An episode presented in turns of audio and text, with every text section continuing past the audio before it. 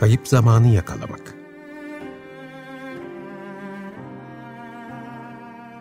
Ölümünün 100. yılında Marcel Proust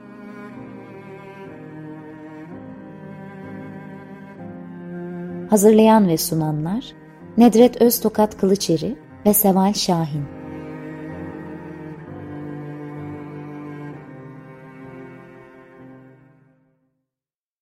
Merhaba, 95.0 Açık Radyo'dasınız. Ee, Nedret Öztokat Kılıçeri ile birlikte hazırladığımız Proust'un ölümünün 100. yıl dönümü dolayısıyla yaptığımız bu programda e, sizlerle yeniden birlikteyiz ve artık bayağı bir az zaman kaldı programımızın bitmesine. E, bugün son cildi konuşacağız değil mi hocam? Yakalanan zaman, son, evet. madem sona yaklaşıyoruz, son cilde doğru bir evet. ilerleyelim dedik. Ee, evet başında da öyle kararlaştırmıştık. Sona son cildi bırakalım. Ee, bu bugün de bunu e, gerçekleştirmeye çalışacağız. Ee, şimdi e, yakalanan zaman dedik.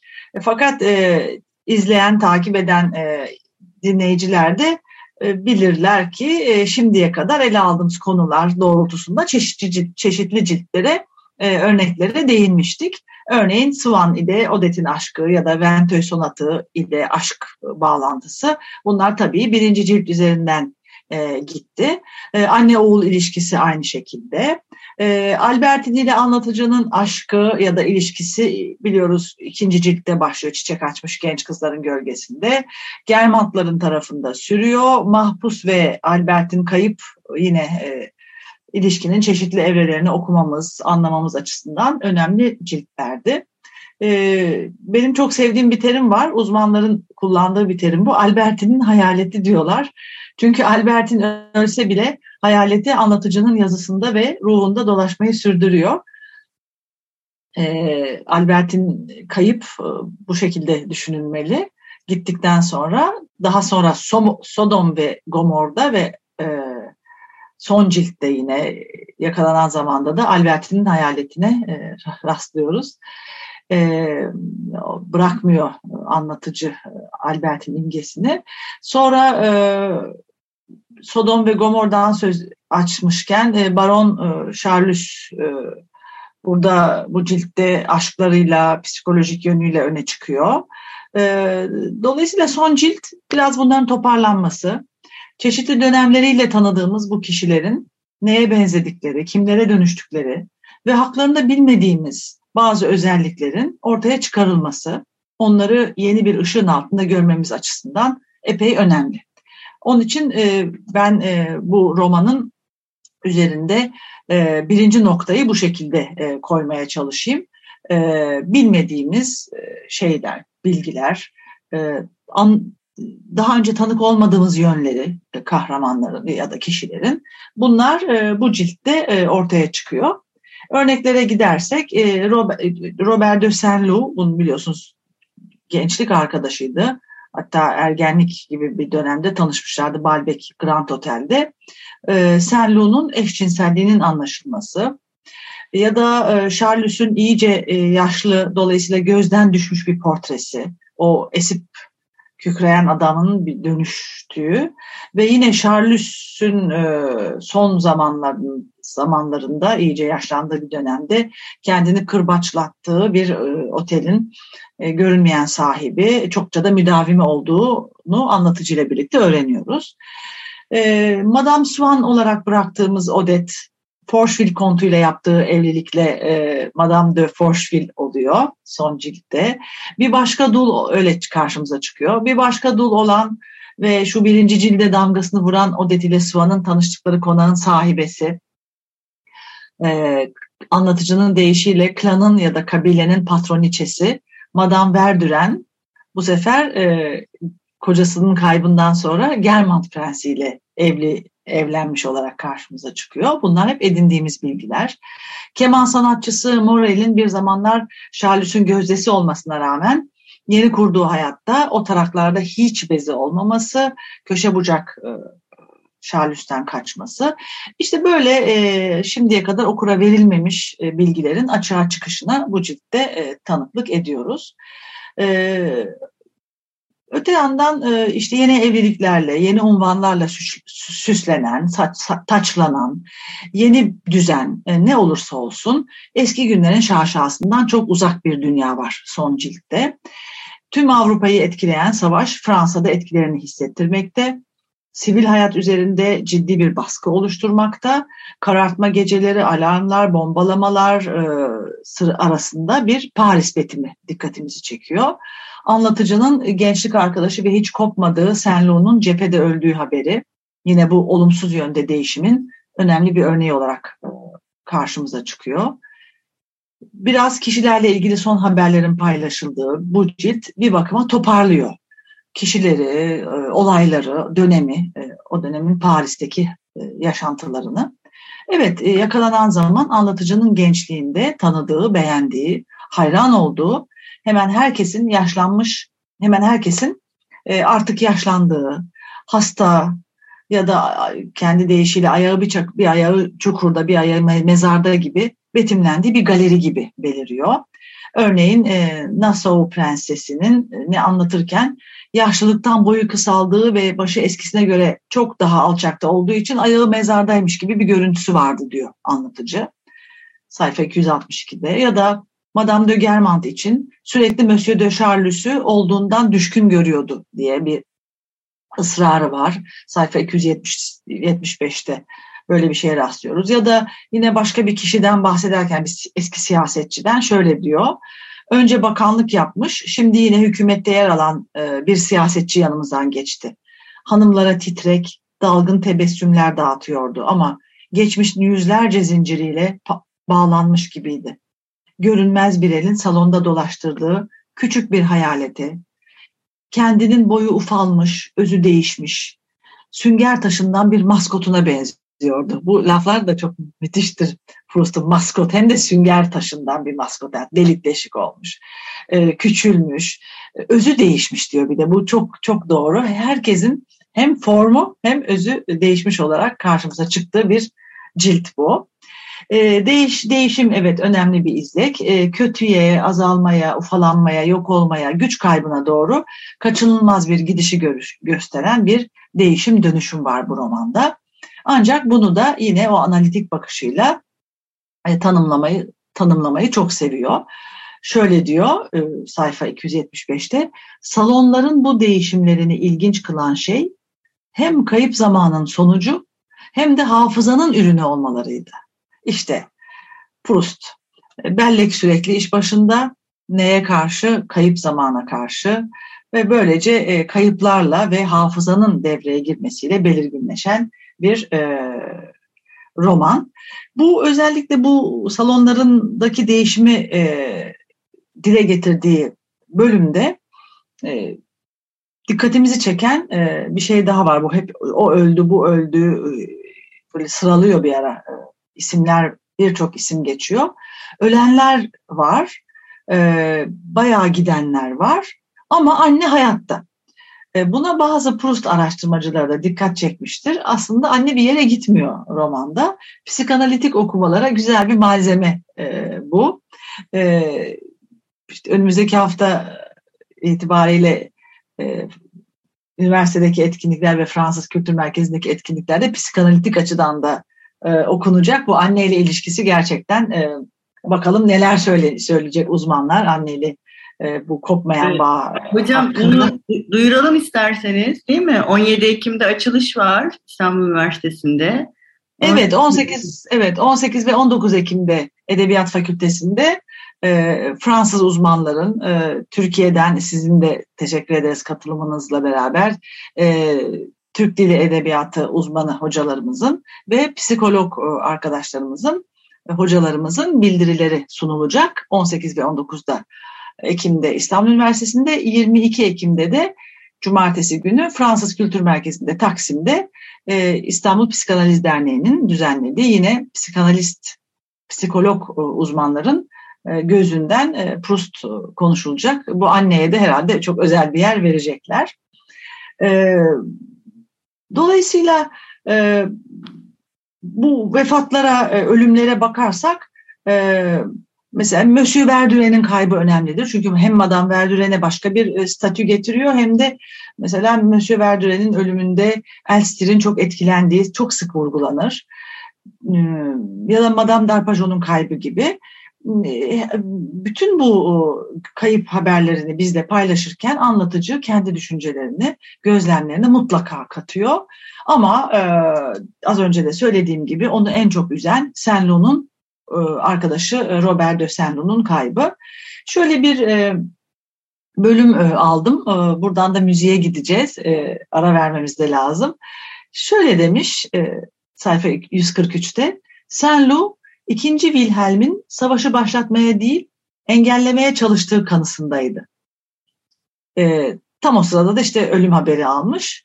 Şöyle diyor, Alman taraftarlığından da nefret etmezdi. Ağzından altı gün e, önce duyduğum son sözler, Schumann'ın bir liedinin ilk sözleriydi. Bizim merdivende bu Almanca sözleri mırıldanırken komşular yüzünden susturmuştum onu. İşte e, ölümünden e, söz edildiği bu bölümde Schumann'ın Lidi geçiyor diye not düşmüştüm. İsterseniz e, arayı verelim ve e, Schumann'dan e, bir e, Lid dinleyelim. Peki. Merhaba, 95.0 Açık Radyo'dasınız. E, bugün Proust'un ölümünün 100. yıl dönümü için yaptığımız özel programda yine Nedret Öztokat Kılıçeri ile birlikteyiz. Programımızın ilk kısmında da bahsettiğimiz gibi artık sonlara yaklaşıyoruz ve e, son ciltteyiz. Bugün yakalanan zamandan bahsediyoruz. Evet, ilk noktadan bahsetmiştik. Şimdi ikinci noktadayız galiba. Hatırlamalar. Evet, e, birinci, evet, romanın birinci özelliği e, kişilerin değişimlerinin anlatılması, yeni bilgilerle e, okurun tanışması. İkinci noktada da e, çok ağırlıklı olarak yazarlık e, eğiliminin, yaratıcılığın, yazma arzusunun e, belirginleşmesi ve bu tasarının, bu eğilimin meşrulaşması artık e, yazarlık üzerine uzun uzun konuşan bir e, anlatıcı da var burada. E, Rosa Hakmen bu eğilim için e, çevirisinde temayül demiş sayfa 190'da. İşte bu temayül e, romanın ana izleklerinden birisi. Hatırlarsınız birinci ciltte Martinville çan kuleleriyle sıkı sıkıya ilişkilenen bir yazarlık hevesi ortaya çıkmıştı. Bundan bahsetmiştik. Çan kulelerini izleyen çocuk eve gelip yarım sayfalık bir yazı karalamıştı. Çok mutluydu yazmaktan ama bir daha o ana dönmedik. İşte e, aradaki ciltler boyunca da genelde negatif anlamda bir yazma edimi, yazmaya temayül e, karşımıza çıkmıştı. Hatta bir yazısını Le Figaro'ya yollayana kadar epey bir zaman geçiyor. Sanıyorum Albert'in kayıp ciltindeydi. Böyle hep çekiniktir, kendine güvensizdir, yeteneksiz olduğunda neredeyse kendini ikna etmek üzeredir. Ama yazısı çıktı, e, çıkınca memnun olur, François'a gider gazeteyi aldırır filan. E, gel gelelim bu ciltte kayıp zamanı yakalamanın tek yolunun sanat eseri ya da edebiyat olduğunu artık net olarak dile getirmeye başlar. Ee, aslında bir tür aydınlanma yaşadığını da söyleyebiliriz. Çünkü şöyle demiş kendi sözleriyle, kuşkusuz kayıp zamanı hem de bunu büyük harfle yazmış kayıp zaman. Kayıp zamanı yakalamanın tek yolunun sanat eseri olduğunu algılamamı sağlayan ışık kadar parlak olmayan bir başka ışık parladı içimde. Edebi eserin bütün malzemelerinin geçmiş hayatım olduğunu anladım. Bana havai zevklerin, tembelliğin, sevginin, ıstırabın içinden geldiklerini ve benim tıpkı bir bes bitkiyi besleyecek olan bütün besinleri biriktiren tohum gibi ne işe yarayacaklarını, hatta yaşamaya devam edeceklerini bilmeden hepsini bir kenara yığdığımı anladım. İşte biriktirmiş sayfa 314'te var bu. Farkına varmadan birçok şeyi biriktirmişim ve bunlar tohum gibi bir gün bir yapıtta bir sayfalarda kendi yerini bulacaktı diyor. İşte bu tohum benzetmesi yine aynı sayfada bu sefer metafor olarak, eğretileme olarak karşımıza çıkıyor. Bu hayat, bu hayatın acı ve tatlı hatıraları, bitkilerin yumurta hücresinde depolanan ve bir bitki embriyonun gelişmekte olduğu henüz belli değilken gizli ama faal kimyasal dönüşümlerin, solunum işlemlerinin merkezi olan yumurta hücresinin tohuma dönüşmesini sağlayacak besini aldığı plazmaya benzer bir birikim oluşturuyordu. Demin de birikim dedik ya, biriktiriyor dedik. Yani hayatım olgunluğunun meyvesiyle bağlantılıydı. Bir bitki, tohum olgunlaşıyor, bir plazmanın içinde büyüyor ve oradan da dönüşüm var. İşte e, bu e, hem bitki dünyasıyla karşılaştırma, tohumun olgunlaşması, kendisinin de geldiği yaşlılık dönemini düşünürsek e, artık yapıt bir meyve gibi bir ürün gibi e, kendi akışını bulacak. İşte e, bu cilde, e, bu ciltte yazarlık eğilimi, e, yazarlık yönelimiyle ilgili büyük bir farkındalık, olgunlaşan bir anlayış, derinleşen bir kavrayış var. Ancak değişim yani yaşlanmada iş başında yazar sıklıkla belirttiği gibi zaman zaman kliniğe girip çıkmakta, tedavisi sürüyor, hastalığı baskın gelmekte ve ne kadar süresi olduğunu bilmemekte. Şöyle anlatıyor tereddütünü. Evet kafamda yeni oluşan zaman fikri, burada da zaman büyük harfle yazılıyor. Zaman fikri artık bu esere kendimi vermem gerektiğini söylüyordu bana. İşte çok net artık yazar olacak. Zamanı çoktan gelmişti ama salona girdiğim anda buruşmuş çehreleri görüp kayıp zaman kavramını edindiğimde beni pençesine alan endişeyi haklı çıkaran bir sorunla karşı karşıyaydım. Hala vakit var mıydı? Ve hatta ben hala bu işe girişebilecek durumda mıydım? Bu kendini sorgulaması da çok içten. Ee, yalnız e, bu içtenliği ara ara bayağı bırakır ve yazarlıkla ilgili, sanatla ilgili, yaratmayla ilgili uzun uzun düşüncelerini dile getirir, formüle eder, cümleler kurar ve e, böylece e, yazarlık üzerine bayağı e, yaratıcılık nedir diye okur, e, çok net bilgilenir. E, burada e, şöyle demiş, çünkü yazar bir gün yazar olacağını daha düşünmezken içgüdüsüyle hareket ederek başkalarının fark ettiği birçok şeye bakmayı sürekli ihmal etmiş. Bu da başkaları tarafından dalgınlıkla e, suçlanmış, o, suçlanmasına yol açmış olabilir.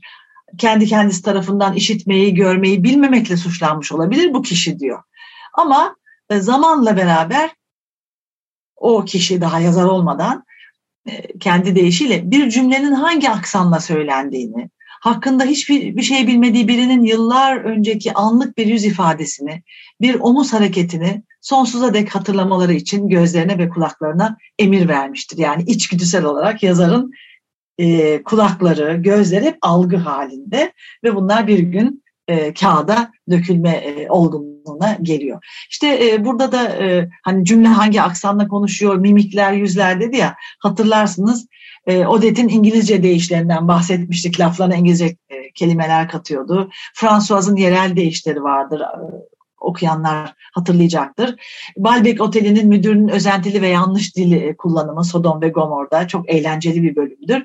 İşte bunlar e, e, hep dikkatini çektiği, gençken, gençliğinde dikkatini çektiği e, konular ve bir gün biz bunları e, romanında anlatıcının e, okuyoruz.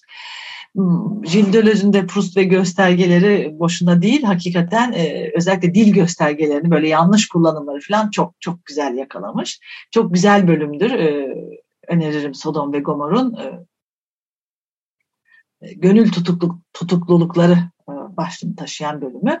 E, işte son cildin önemli e, eksenlerinden birisi e, bu dediğimiz gibi yazarlık sürecini içselleştirmesi, yazmaya başlaması bu ve yazarlık üzerine uzun uzun cümleler kurması, gözlemler e, dile getirmesi ve son olarak da savaş geri plandaki bu savaş, savaşın yaşanma süreci. E, az önce de belirtmiştim gezmeler kısıtlanıyor, salonlarda sürekli siyaset konuşuluyor, kırılgan bir şehir imgesi var ancak bizim aristokratlar, snob çevreler buluşmalarından geri kalmıyorlar, aksatmıyorlar. Bu savaş izleyi de arka planda bir e, karamsar nota dizisi gibi yineleniyor bu cilt boyunca. Dolayısıyla hem e, işte bu yaşlanan kişiler, değişim, kendi yaşlandığını görmesi, fark etmesi anlatıcının hem de savaş, e, işte hastalık, ölüm üzerine düşünceler bu cildi biraz e, bu ciltteki tonu durgun, karamsar bir şekle büründürüyor. E, acaba dedim okurken olgunluk döneminden mi, işte belli bir yaşa geldi ya anlatıcı, ondan mı, hayatın olgunlaştırdığı anlatıcının ses tonu mu, niye olmasın buraları da e, aklımıza buralara gidebiliriz yani. Bunlar düşünüyor, düşündürüyor bize. E, edebiyat referanslarıyla tanımak, tanam, tamam, tanam, tamamlamak istiyorum bu cildi. Son bölümde özellikle Chateaubriand'ın e, mezar ötesi anılarına e, referans veriyor. Memoir d'Outre-Tombe e, belki okumuş olanlar vardır. E, çok uzun bir döneme yayılan e, Chateaubriand'ın hayatın her dönemini yazdığı çok uzun zamanlara yayılan bir e, anı anı kitabı ve e, bunun e, bir işte Chateaubriand'ın istediği bir şey var. Ben öldükten sonra yayınlanacak bu diyor. Bitiriyor e, anılarını. Bir yedi yılda üzerinde düzeltme yapıyor. Düşünün ne kadar e, uzun ve e, uzun bir dönemi kapsıyor. Artı e, yayınlanması zaman alıyor. Yani e, Chateaubriand mezara girdikten sonra okuruyla ya da arkasından onu takip edenlerle konuşmayı tasarlıyor. Sesini duyurmayı istiyor. Şimdi Proust'un da bu esere gönderme yapmasını anlamlı buldum. Ee, geç yaşta yazmaya başladığının farkında ama sözü de yazısı da yapıt var olduğu sürece bitmeyecek. E, Chateaubriand'dan referansla e, son bölümde e, tamamlanması da e, çok hoşuma gitti. Bir de yazınsal edebi akrabalık var aralarında. Chateaubriand Fransızların çok büyük bir yazarıdır yani. E, üretken, e, Fransızca açısından müthiş, e, güçlü bir yazardır. Ona referansla da bitirmesi e, hiç masum değil. evet. E, şimdi tekrar hatırlatalım programımız biterken e, 17 Ekim'de açılış var. 18 ve 19 Ekim'de İstanbul Üniversitesi Edebiyat Fakültesi'nde 22 Ekim'de de e, İstanbul'daki Fransız Kültür Merkezi'nde Proust'un ölümünün 100. yılı dolayısıyla programlar gerçekleşecek. Fransa'dan ve Türkiye'den e, birçok e, akademisyen Proust üzerine konuşacak. E, tüm dinleyicilerimizi bekleriz e, bu etkinliklere. Bu etkinliklerin e, Türkiye'deki koordinatörü Nedret Hoca e, ve o bir yıldır e, bu etkinliklerle uğraşıyor. Ayrıca Açık Radyo'daki bu program da onun sayesinde e, oldu bayağı yoğun geçti. Biz son programda da e, bunları da konuşacağız. En son programımızda dünyada neler oldu, Türkiye'de neler oldu. O şekilde bitirmeyi e, bekliyoruz. E, Evet hocam sizin bitirirken söylemek istediğiniz. Ee, evet ben yine bu son ciltle ilgili e, yazınsal akrabalıktan yakın, ruhsal yakınlıktan bahsetmiştim. Yine anmadan edemeyeceğim. Hocalık damarı e, herhalde şey yapıyor. Gerard de Nerval'in Silvisinden bahsediyor. Oradaki e, izlenimler, duygular. Bir de Baudelaire'in, Baudelaire'de de sinestezi vardır bilirsiniz. Yani e, kendisinden önceki bu yazarlara, şairlere çok duyarlı bir kişi, bir romancı. Proust yani e, bunlar e, kayıp zamanın e, izinde gibi koca bir kitabın işte bu özelliklerini sağlayan mutlaka bence bu e, duyarlı, dikkatli e, okur e, kimliğini de düşünmek lazım Proust'un. Çok teşekkür ederim. Hoşçakalın. Görüşmek üzere.